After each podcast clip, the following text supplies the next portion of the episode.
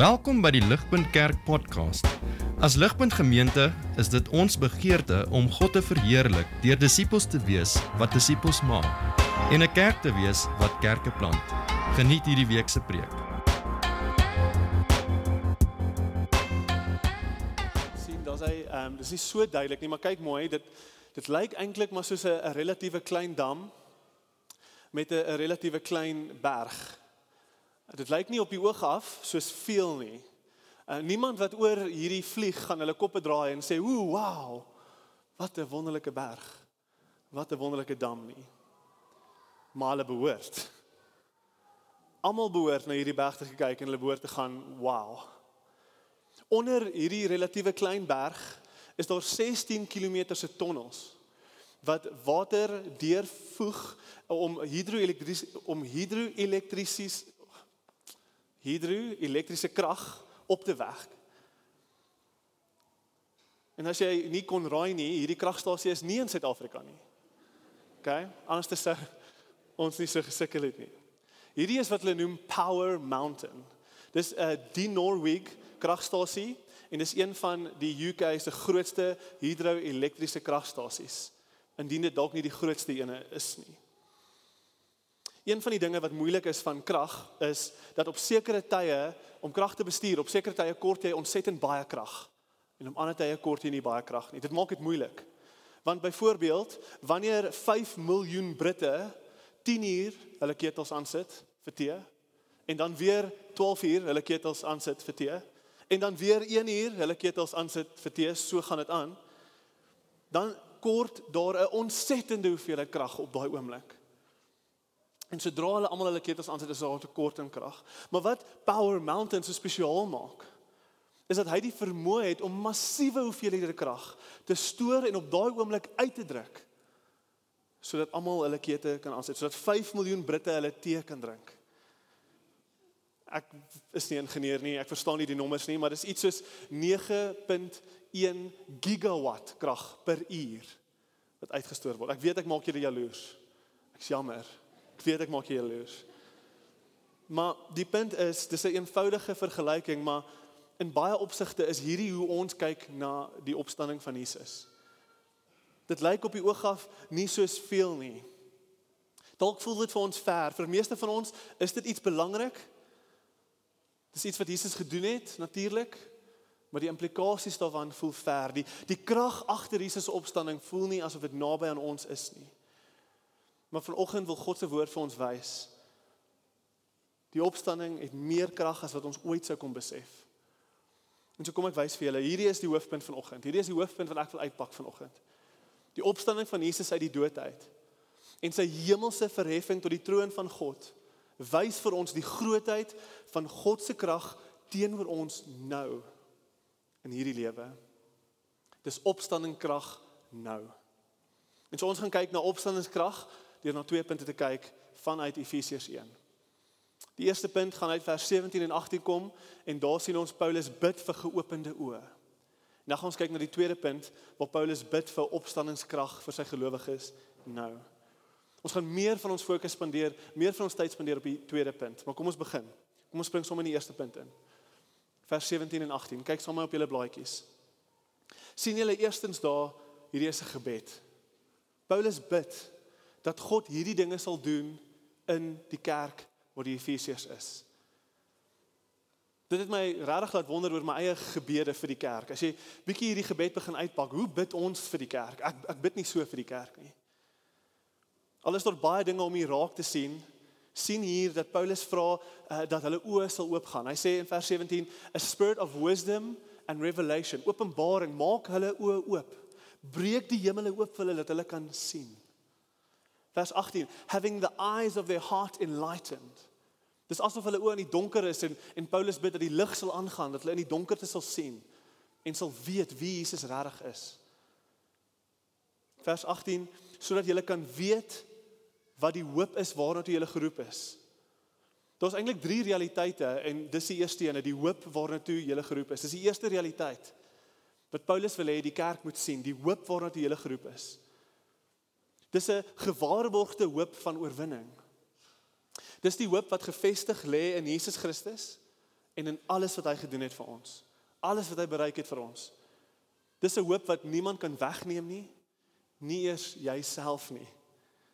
Want die gelowige se toekoms en sy hoop is veilig in God die Vader se hande. Te dank aan wat Jesus gedoen het. Dis die eerste ding wat wat Paulus wil hê ons moet sien.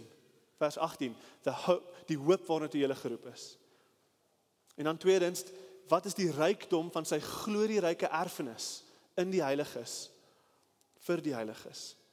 Gepaard met nommer 1 is daar 'n bietjie oorvleeling hier, maar maar wat hierdie na verwys is is die hemel en die nuwe die nuwe hemel en aarde wat lê en wag vir ons. Die nuwe hemel en aarde wat lê en wag vir elke gelowige. Die die erfenis, die letterlike uitbetaling is 'n hemelse woonplek vir jou met geen pyn, geen seer, geen dood nie, geen sonde nie. Een waar waar werk lekker is, een waar daar altyd krag is, een waar ons verhoudings maklik is sonder pyn of seer of, of kompleksiteit van sonde wat ons verhoudings altyd afbreek en moeilik maak. Dis 'n dis 'n plek waar jy nooit hoef skuldig te voel of ooit hoef te sukkel met jou stilte tyd en jou Bybelleestyd nie want want Jesus is daar in jou teenwoordigheid en jy kan hom geniet soos nog nooit tevore nie. Dis die glorieryke erfenis vir die heiliges. En dan vers 19, die derde realiteit wat Paulus bid sal oopgebreek word vir ons. Ons oë sal oopgaan vir dit is is vers 19, die onmeetlike grootheid van sy krag teenoor ons wat glo. Ons gaan 'n bietjie meer daarna kyk in die in die in die in die punt hierna, die die tweede punt. As die realiteite as hierdie goedjies oopgebreek word vir ons, as dit geopenbaar word aan ons, dan verander dit alles. As ons oë sal oopgaan soos Paulus bid dit sal, dan gee dit vir ons vrede waar daar geen vrede is nie. Dit gee vir ons selfvertroue waar daar wantroue is. Dit gee vir ons sekerheid in die midde van dalk die meeste onsekerheid. Dit laat ons toe om heeltemal anders te lewe in hierdie wêreld hier en nou. Heeltemal anders as enigiemand anders wat hier en nou lewe met met hulle fokus en hulle hoop op op ander dinge. Paulus bid nie, kyk mooi, Paulus bid nie dat dat ons die hoop sal kry nie. Of dat ons die erfgename sal word nie, of dat ons hierdie mag sal kry nie. Hy bid dit nie. Hy sê, kyk mooi, hy sê Christen, jy het die hoop. Jy het die erf, jy is die erfgename. Jy gaan hierdie hierdie erfenis ontvang. Jy het onvergelykbare krag van God teenoor jou. Jy het dit. Maar wat Paulus bid uit die diepte van sy hart uit, soos wat jy hierdie lees as hy bid Efesiërs ligpunt sien julle dit? Ervaar dit. Here maak hulle oë oop. Soos ons almal sien Paulus, ons 'n gaping tussen ons hart en ons koppe. Die die kennis waarvan Paulus hier praat, sit baie kere maar net in ons koppe. Maar dis nie die tipe kennis waarvan Paulus hier praat nie. Dit dis soveel meer. Dis dis nie feite hierdie nie. Hierdie kennis is dieper, dis hartskennis. Hierdie is nie die die hoofstad van Australië is is Canberra. Ek het nie geweet dis Canberra nie. Ek het gehoor dit is Sydney of iets, maar dis nie waar dit gaan nie, dis nie 'n feit nie. Dis meer as dit. Die kennis hier is is die oë van jou hart, vers 18. Dis 'n geestelike ervaring van die liefde van God teenoor jou in alles wat Jesus vir jou gee, gelowige. Dis is dis is iemand wat praat van heuning, maar dit nog nooit self geproe het nie. Paulus soek dit nie. Paulus soek nie iemand wat praat van heuning maar dit nog nooit geproe nie. Dis dis vals. Dis speel speel geloof. Dis 'n geloof wat voorgee en maak asof hy weet maar hy doen nie. Dis nie 'n werklike ervaring van die genade van God en die rykdom van alles wat ons het in Christus nie. Dis nie dit nie. Paulus wil hê ons moet proe wat ons het in Christus. Dis die kennis waarvan hy praat. 'n ervaring. Hy wil hê proe, neem in, haal, maak oop jou oë vir die wonders van Jesus. Geen leraar of kerk, nie eens Paulus kon hierdie kennis duidelik maak aan die harte van die Efesiërs nie. En en om eerlik te wees, geen leraar of gaan dit aan ons kan duidelik maak nie. Dis hoekom Paulus dit bid. Paulus bid hierdie want al wat hierdie al wie ons ook kan oopmaak vir hierdie realiteite is Jesus Christus self. En en as ons hierdie begeer, as ons die waarde sien van wat Paulus hierso sê, as ons voel, Daar's 'n gaping tussen ons kop en ons harte. As ons hierdie begeer is die goeie nuus vanoggend dat al wat ons hoef te doen is om te sien wat Paulus bid en self 'n een eenvoudige gebed te bid. Dit vat die geloof van 'n mosterdsaadjie vir jou om die liefde van Christus opnuut te kan beleef. Christen en nie Christen, kom ons bid saam. Vader, maak my oë weer oop. Hierdie wonders is ver bo my. Ek ek sien dit, maar ek verstaan dit nie. Ek weet dalk iets daarvan, maar ek ek proe dit nie. Christen en nie Christen saam, kom ons bid. Vader, maak weer my oë oop. Ligpunt ek ek het hieraan gedink en ek sien hoe Paulus hierdie evangelie uitpak en die wonderste want ek dink ek ons is 'n kerk wat bederf is met die evangelie. Ons hoor die evangelie elke liewe Sondag. Die goeie nuus van Jesus is duidelik aan ons. Elke liewe Sondag in elke gesinsgroep hoor ons die goeie nuus van Jesus se dood en sy opstanding.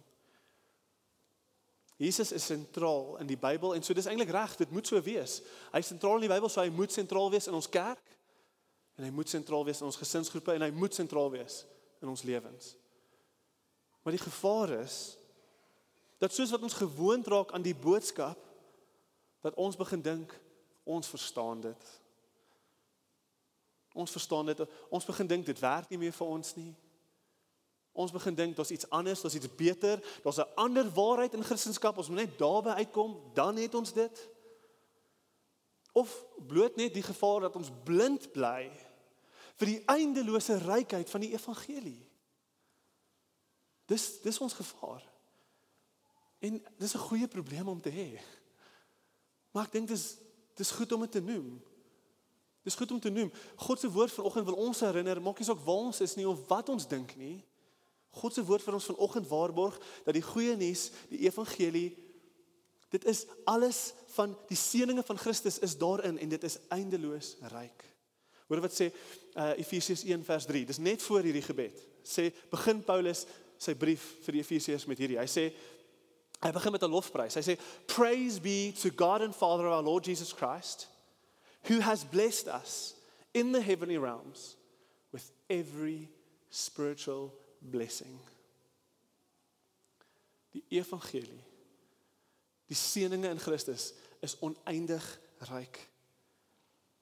Kom ons bid weer as kerk dat die Here ons oë sal oopmaak en dat ons weer sal waardeer die eindelose rykheid van wat Christus vir ons gedoen het. Die hoop wat niemand kan wegneem, die glorieryke erfenis. En natuurlik die krag wat ons het in God. En dis waarna toe ons nou wil gaan die die krag vir opstanding. Dis die tweede punt. Hier wil ek so 'n bietjie meer tyd spandeer. Hier gaan ons kyk na ehm um, vers 19 tot 23. En so gaan 'n bietjie meer tyd hier spandeer. Kom ons kom ons lees net gou weer vers 18 soos wat dit vloei direk in vers 19. Hierdie is die derde ding wat Paulus wil hê ons oë voor moet oopgaan. So hy het gesê I pray that the eyes of your heart may be enlightened. Toe praat hy van die hoop en die erfenis en dan gaan hy aan vers 19 that the eyes of our heart may be opened to his incomparably great power for us who believe. That power is the same as the mighty strength he exerted when he raised Christ from the dead and seated him at his right hand in the heavenly realms. Onthou weer eens hierdie is 'n gebed aan die Efesiërs. 'n Kerk in 'n stad met honderde gelowe en massiewe tempels. Elkeen van hierdie tempels het sy eie eis op krag gehad. Ons beloof krag tot welstand. Ons beloof krag vir vir 'n 'n vrugbare ehm 'n vrugbare baarmoeder. Ekskuus, is reg, dankie. Ehm um, uh, uh, uh, ons beloof geld, ons beloof sukses. Elkeen het gesê ons het krag. Maar hier in die derde ding wat Paulus wil hê ons moet ervaar, verwys hy ons na die krag van God teenoor ons. Vers 20 sê dit is opstandingskrag want dit is dieselfde krag aan ons wat Jesus uit die dood uit opgewek het. Hierdie hierdie vers was die rede hoekom ek hierdie teks gekies het en hoekom ek hierdie woord wil duidelik maak aan ons want ons iets hier wat ons moet wegblaas. Dit lyk dalk uh, nie soos veel nie, maar daar is krag hier wat wil uitbars. Hierdie is dieselfde krag aan ons wat Christus uit die dood uit opgewek het 2000 jaar terug. Dis die krag wat Jesus toegelaat het om te verskyn aan meer as 500 ooggetuies. Dis die krag wat hom toegelaat het om sy wonde te wys aan sy disippels. En dis die krag vir ons nou wat glo. Verbo alle gode van alle tye vandag is daar geen god. Geen god of geen verloof wat die krag eis oor die dood nie tot vandag toe. Net Jesus Christus en Christendom sê ons het die dood oorwin in Christus. Net Christus het daai krag. Dis opstandingskrag. sien raak hoe Paulus hierdie drie verskillende woorde gebruik om hierdie krag te probeer beskryf in vers 19. Incomparably great power. Daai drie woordjies is ontsettend ryk. So verskoon my tyd vir 'n bietjie Grieks, okay? Kyk gou incomparably. Dis die woord hooper. Dis dis ekstra, dis te veel. Dis waar waarvoor ons die woord super kry, super. Dan great, megathos, megathos. Dis waar dis waarvan ons die woord mega kry. Dis dis massief, dis dis ver bo ons verstand, dis mega, dis ekstra. En dan laastens die woord power, dis die woord dynamis. Dynamis, waarvan ons die woord dynamite kry. So die krag wat wat aan ons is, wat Paulus probeer beskryf, is die super mega bomagtige krag van God. Dis die krag. En dis die krag wat aan die werk is in gelowiges, oor gelowiges en vir gelowiges. Die die krag wat hier beskryf word word bewys op drie vlakke. En so gee my die geleentheid om net drie goedjies uit te pak vir ons wat hierdie krag gaan ons duidelik maak in ons geloofslewe. Die eerste ene is die krag agter ons geloof die krag agter ons geloof. Net na hierdie verse waar Paulus hierdie bid, gaan Paulus na Efesiërs 2 toe. En en in Efesiërs 2 van vers 1 tot 9 wys Paulus vir ons die wonderwerk van ons geloof, die krag agter ons geloof. In Efesiërs 2 sê hy uh, in Efesiërs 2 vers 1 sê julle was dood in julle sonde. Lees saam my vers vers Efesiërs 2. As for you you were dead in your transgressions and sins in which you used to live when you followed the ways of this world and the ruler of the kingdom of the air, the Spirit who is now at work in those who are disobedient. All of us who lived among them at one time, uh, gratifying the cravings of the flesh and following its desires and thoughts, like the rest, we were by nature deserving of wrath. En toe wat gebeur? Ephesians 2 vers 4. But because of his great love, God, who is rich in mercy, made us alive. Selfde woord as as Christus wat opgewek is. Made us alive with Christ even when we were dead in our transgressions. It is by grace you have been saved. And God raised us up with Christ and seated us with him in the heavenly realms in Christ Jesus. Het het julle geweet dit is wat was nodig? Dit is dit is wat nodig was om jou te red. Julle geweet opstandingskrag was nodig om ons vanuit die dood uit te bring na geestelike lewe toe. Die krag wat Jesus uit die dood uit opgewek het, het die harde harte van klip in ons vervang met sag lewendige vleesagtige harte. 'n 'n 'n massiewe trend in in die samelewing op die oomblik is hierdie idee van 'n zombie. Elke tweede fliek en elke tweede game gaan oor zombies. Jy lewe maar maar jy's dood. OK, jy lewe maar jy's dood. Jy het behoeftes, maar dis soos brein dooie gaan deur emotions behoeftes. Jy sê jy lewe maar jy wandel net jy wil net deur die lewe agter jou eie begeertes aan. Daar is daar selfsug agter hierdie want al wat jy eintlik doen is jy jy jy's brein dood. Jy gaan net agter jou begeertes aan en jy jy sê maak dood waar ook al jy kan doodmaak om hierdie begeertes te vervul. Jy's 'n zombie. Jy lewe maar jy's dood. Dis eintlik 'n baie akkurate Bybelse beskrywing van van wie ons is voor die opwekkingskrag van Jesus aan aan ons in die werk was. Dis wie ons was. Dis die Bybelse beskrywing. Ons was dood. Ons lewe maar ons is dood. Ek het ek het baie hieraan gedink en dink ek by myself, hoe is dit moontlik dat ons hierso sit En ons wil God se woord hoor. Ons is honger daarvoor. Ons soek dit week na week. 'n Woord wat duisende jare oud is, wat gepraat is deur mense wat duisende jaar terug geleef het, maar ons soek dit. Hoe is dit moontlik dat Jesus 2000 jaar terug dood gegaan het en opgestaan het en hy voel vir ons vandag so lewendig soos asof daar geen dae al aangegaan het nie, asof hy gister gister dood gegaan het, gister opgestaan het. Hoe is dit moontlik? Hoe beskryf Petrus dit in in 1 Petrus 1 vers 8. Hy sê though you have not seen him, you love him. And even though you do not see him now, you believe in him and are filled with an inexpressible and glorious joy, for you are receiving the end result of your faith, the salvation of your souls. Hoe is hierdie moontlik? Hierdie gevoel op 'n globale skaal moontlik? Die Bybel sê in Romeine 3 uh no one seeks God. So hoe is dit moontlik dat ons doen? Ons soek hom opreg. Ons soek hom. Ons soek hom nie net in 'n vaag weg ons soek hom soos wat Petrus beskryf. Inexpressible and glorious joy. Hoe is dit moontlik dat ons elke dag die hardste van harte beleef in ons samelewing teenoor die kerk? Maar ons harte is nie hard nie. Alles behalwe. Ligpunt die realiteit is. Ons was blind. Ons was dood. En ons harte was hard.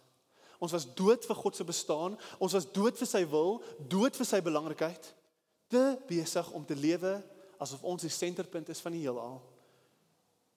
En en asseblief hoor mooi. In kerke reg oor Suid-Afrika en ek ek dink hier vanoggend is daar mense wat nou nog sit in hierdie toestand. Daar's mense wat nou nog sit dood vir God, dood vir sy wil. Dood vir wie is godsdienstig. Ons kan godsdienstig gelyk met geen geestelike lewe nie. En die punt hier is ons sal dood bly en nog steeds dood gewees het as ons nie aangeraak was deur die opstanningskrag van Jesus nie. Ek weet op 'n duisend verskillende maniere sukkel ons. Ek sukkel. Die lewe is nie maklik nie. Ons geloof is dis 'n battle, ons sukkel. Op 'n duisend verskillende maniere sukkel ons om te glo.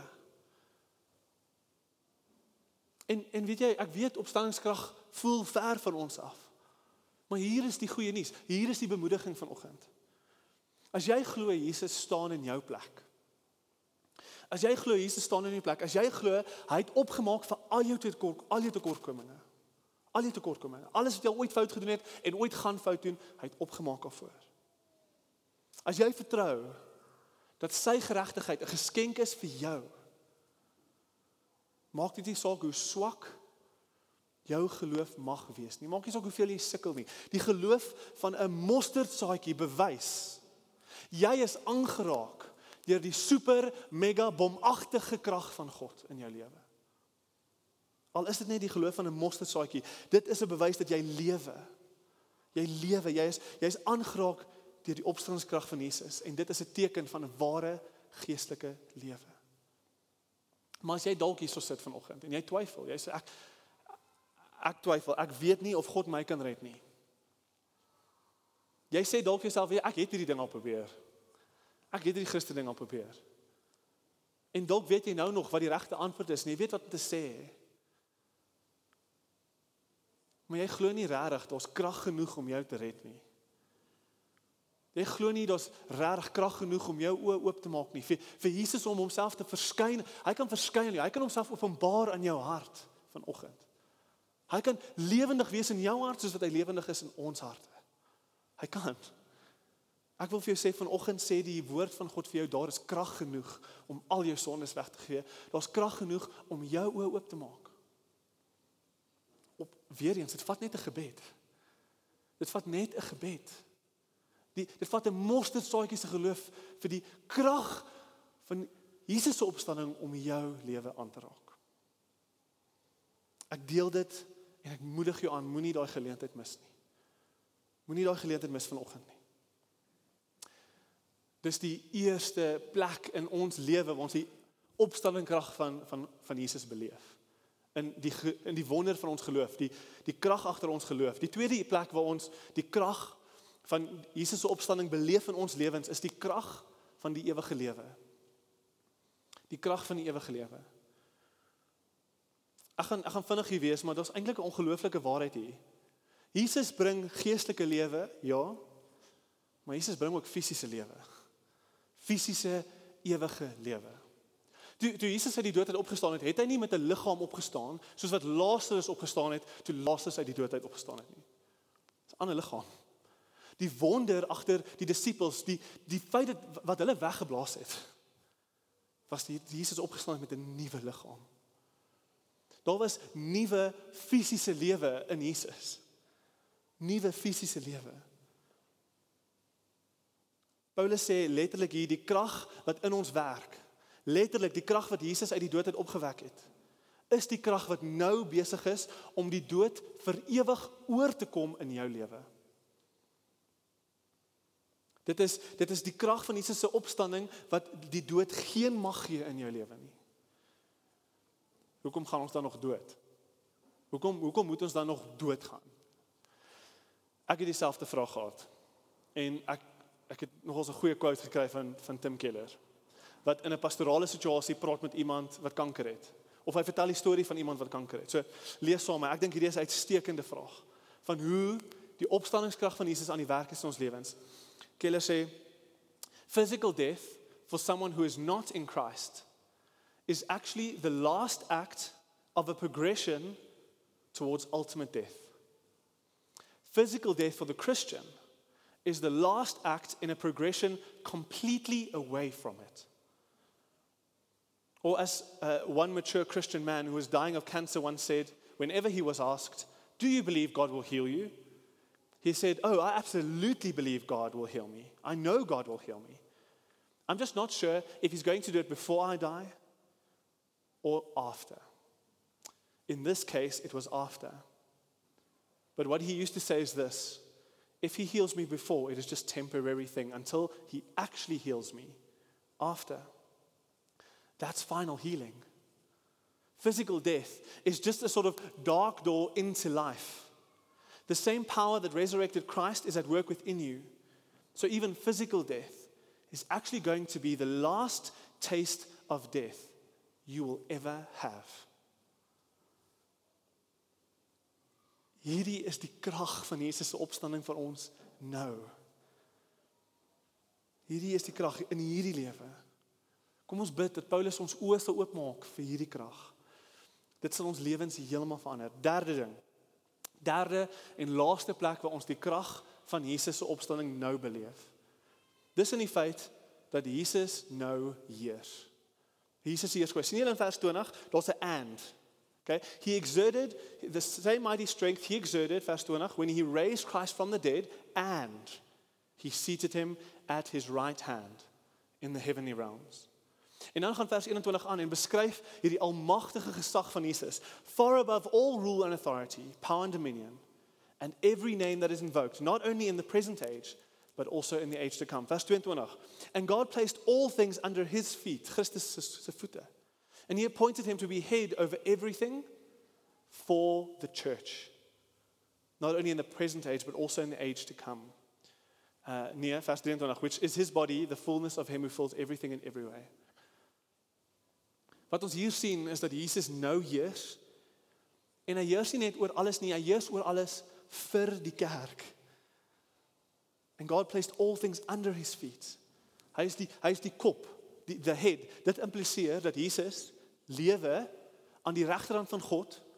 Hy is 'n lewendige, aktiewe gesag met 'n bewuste, aktiewe heerskappy. Hy sien wat aangaan vandag. Hy is hy is hy is die heerser, hy is die kop. Hy is in beheer van geskiedenis, van alle mense, van alle demoniese magte. In Efesiërs lees ons later in hoofstuk 6 van die wapenrusting van God. Daar was 'n 'n demoniese battle aan die gang in die Efesiese kerk. 'n 'n demoniese stryd en hier sê Paulus Jesus het Jesus heers oor dit ook. Hy het gewen, hy het oorkom. Hy heers oor demoniese magte, hy heers oor alle besighede. Hy heers oor media, hy heers oor die internet. Hy heers oor militêre magte. Hy heers oor regerings, hy heers oor presidente. Jesus is bo alles vir die kerk. Voel dit vir ons asof die korrupsie in ons land heers? Voel dit vir ons asof die regering heers, asof asof ons land nie in Jesus se hande is nie, maar eintlik eintlik in die ANC se hande is? God se woord sê vanoggend nee. Nee, dit is nie. Ons land is in Jesus se hande. Hy heers. Hy het opgestaan en hy heers nou aan die regterkant van God. Maak nie saak wie wat sê nie. Met al die krag van Jesus, al al die krag, al sy wysheid, heers hy vir die kerk. Sy fokus is op die kerk. Jesus heers nou. En hy hou ons toekoms in sy hande En hy kyk na die kerk. Hy hy kyk na die kerk. Dis vir die kerk. Sy krag teenoor ons is teenoor die kerk. Ek ek ek dink ek sê dit oor en oor en oor want ek ek dink nie ons besef dit nie. Dis nie wêreldmagte wat Jesus se fokus op is nie. Dis nie presidente nie. Sy fokus is op die kerk en hy heers. Ek ek wonder of ons blind is vir Jesus se doeleindes. Want ons is so gefokus op ons eie doeleindes en op ons eie gemak. Ons dis goed wat ons nou soek. Ons soek vrede op aarde en paradys nou. En so ons kyk vas daarin en ons mis dat in die gemors is Jesus in beheer en hy heers vir die kerk. As ons oë sal oopgaan vir sy doeleindes, sal ons begin sal ons begin sien dat Jesus se heersende krag besig is om vir ons te werk sodat ons sy naam kan verheerlik reg oor die wêreld en nou in Suid-Afrika in Pretoria. Alles wat verkeerd gaan is die Here van in beheer en hy's besig om dit uit te werk sodat die lig van Jesus se naam in die kerk sal kan uitgaan. Hoeveel te meer is Jesus nie duidelik in ons lewens wanneer ons hoop in hom maar alles om ons val uitmekaar uit nie. Né? Nee? Dan is daar krag. Dan draai die wêreld, hulle oë kyk vir die eerste keer na ons en hulle sê, "Hoe is dit moontlik? Hoe is dit moontlik dat jy oukei okay is?" Kyk, alles gemors. En ons sê Jesus se opstandingskrag is aan die werk in my. My hoop is nie hier nie. My hoop is in wat kom en in sy beloftes. Ek wil afsluit met met hierdie vraag. Ek het dit reeds bietjie beantwoord, maar ek ek dink daar's nog in ons harte voel ons hoekom voel ons nie hierdie krag nie. Dalk sit jy hier en jy dink jy's Johan, ek sien hierdie krag. Ek sien dit. Ek ek ek hoor wat jy sê, maar ek Ek voel dit nie. Voel nie hierdie krag nie. Soos ek self gebid het en gewerk het aan hierdie preek, het ek self daai vraag gevra en ek het afgekom op 'n artikel deur 'n uh, Marshall Siegel. Hy's 'n bekende Christelike skrywer en die titel van sy van sy artikel is God, I want to see more. God, I want to see more. Dit dink ek ja, dit is God se hart agter hierdie teks. Maak die oë van ons harte oop, Here. God, I want to see more. En hy sê hy sê hierdie hierdie is hierdie is die laaste woorde wat sy artikel mee afsluit. Hy sê Do you feel weak? We all do. So much more often than others. But we are all weak people.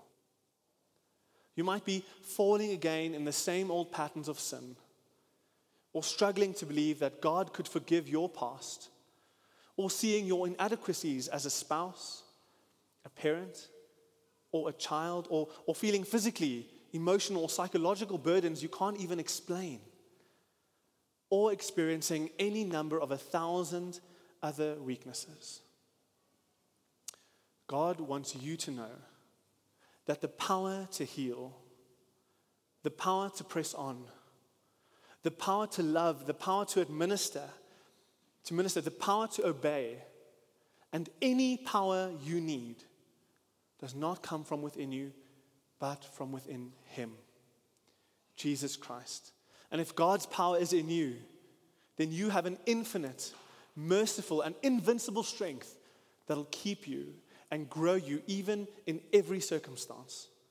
His divine power is for you, not against you. His, div- his divine power is for you, not against you. Remember, the Lord Jesus himself said, My grace is sufficient for you. My power is made perfect in your weakness. Daar's baie dinge wat wat Siegel hierso sê. Daar's daar's baie dinge. Maar hier's een ding wat ek by ons wil los. Dalk voel ons nie die krag van Jesus opstanding nie. Want dalk maak ons nie staat daarop nie. Ons het dit. Maar ons bring nie ons swakheid na hom toe nie. Ons bring nie ons vrese na hom toe nie. Ons dra dit self. Christen, natuurlik gaan jy nie Jesus Christus se krag beleef as jy self besig is om staat te maak op jou eie krag elke dag nie. Natuurlik gaan jy dit nie beleef nie. Hou op met ons moet ophou met ons eie plannetjies en ons eie oplossings. Die goeie nuus vanoggend is dat daar krag genoeg is in Jesus. Daar's krag genoeg om na hom toe te kom. Hy lewe. Hy heers nou. Kom ons bring alles na die troon van sy voete toe. Hy heers, hy lewe.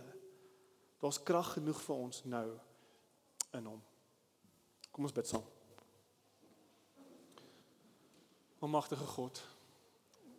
Vader, hierdie is 'n ryk, ryk, ryk woord. En en die die gaping wat oorbly in ons harte is 'n gaping wat net U deur die krag van die Gees kan toemaak. Kom nou en breek die die harde harte voor ons af. Breek die harde harte in ons af. Haal die haal die haal die blindheid van haal die skilde voor ons oë af weg, Vader. Kom maak ons oë oop en en brug die gaping tussen ons kop en ons harte dat ons hierdie openbaring van ons van ons redding sal sien. Sal beleef, sal proe. Ek bid dit in Jesus naam alleen. Amen. Vir meer inligting oor Ligpunt Kerk, besoek gerus ons webwerf op www.ligpunt.com of kontak ons gerus by info@ligpunt.com